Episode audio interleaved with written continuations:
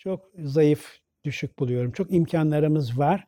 Zaten temel sorunumuz bizim o kültürsüzlüktür. Yani okumadan ziyade görsele kaymak, ucuza gitmek bu çok yanlış bir şey. Ee, mazi kayıtlarını iyi deşmek lazım.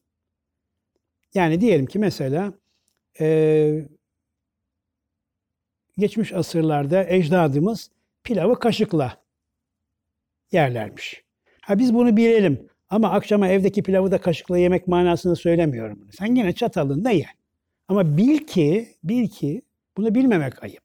Kültürsüzlük buradan başlar. Bil ki senin dedenin dedenin dedesi pilavı kaşıkla yiyordu.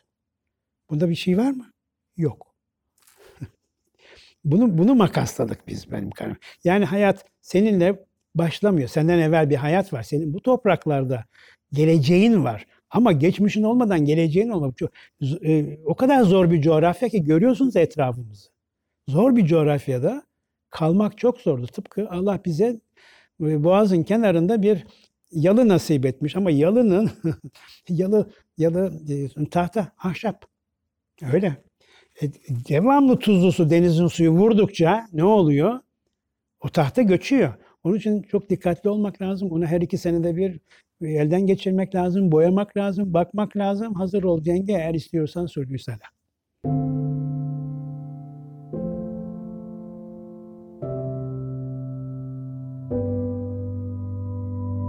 Hayır yok.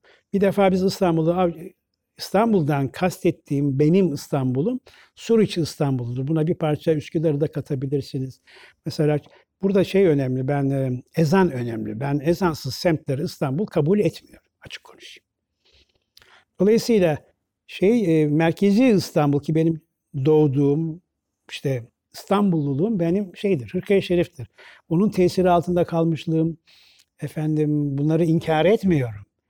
Ama orada ben yani benim evim karşı dede, e, dededen kalma evimiz var. Karşımızdaki cami 1585'te yapılmış. Ben duvarına elimi elimi sürttüğüm zaman birden 1585'e gidiyor. Onun hemen yanı başında Erka Şerif Camii var. O 1851'de yapılmış. Onun karşısında düz damlı bodur minareli bir mescit var. Akseki Mescidi var.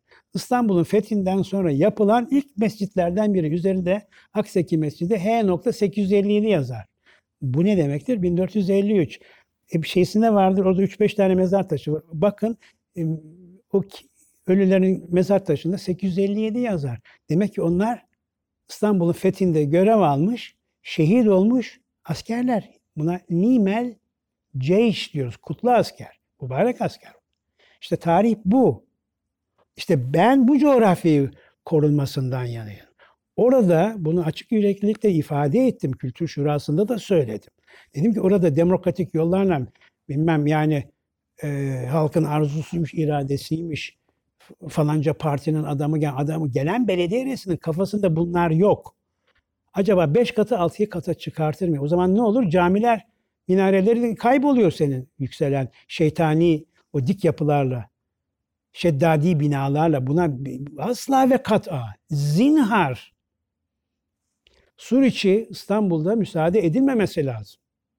Hatta fazla bir şey varsa yıkılması lazım ama bu mümkün değil.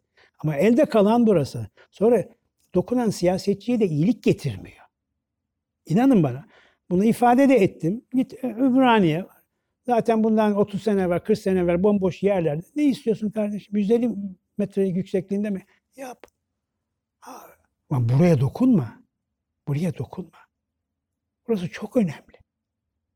Burada vereceğin ruhsat, ruhsat belli bir katın üzerine çıkmayacak. O da 3'tür 4 kattır. Şimdi o, o bozulmayı gördüm.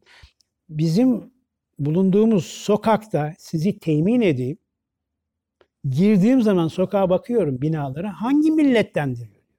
Bir tek şu bizim fakirhane kaldı biliyor musun? Onu da Allah'tan ki ikinci dereceden tarihi eser yaptılar dededen kalma ev. Ben e, müteahhitlerden kurtardım kendi malımı. Dededen kalma. Anlatabiliyor muyum? Ha baktığınız zaman diyorsun ki ha burada en az 100 senelik bir ev var. Benim için iftihar vesilesi. Benim tarihim orada. Kişisel tarihim orada. Ve ben orada Türklüğümü temsil ediyorum mimari üzerinde. Kalıcılığımı şey yapıyorum. Diğerlerine karışamam ki sağıma soluma nasıl bir ev yapılmış. Benim ne haddim ne hakkım.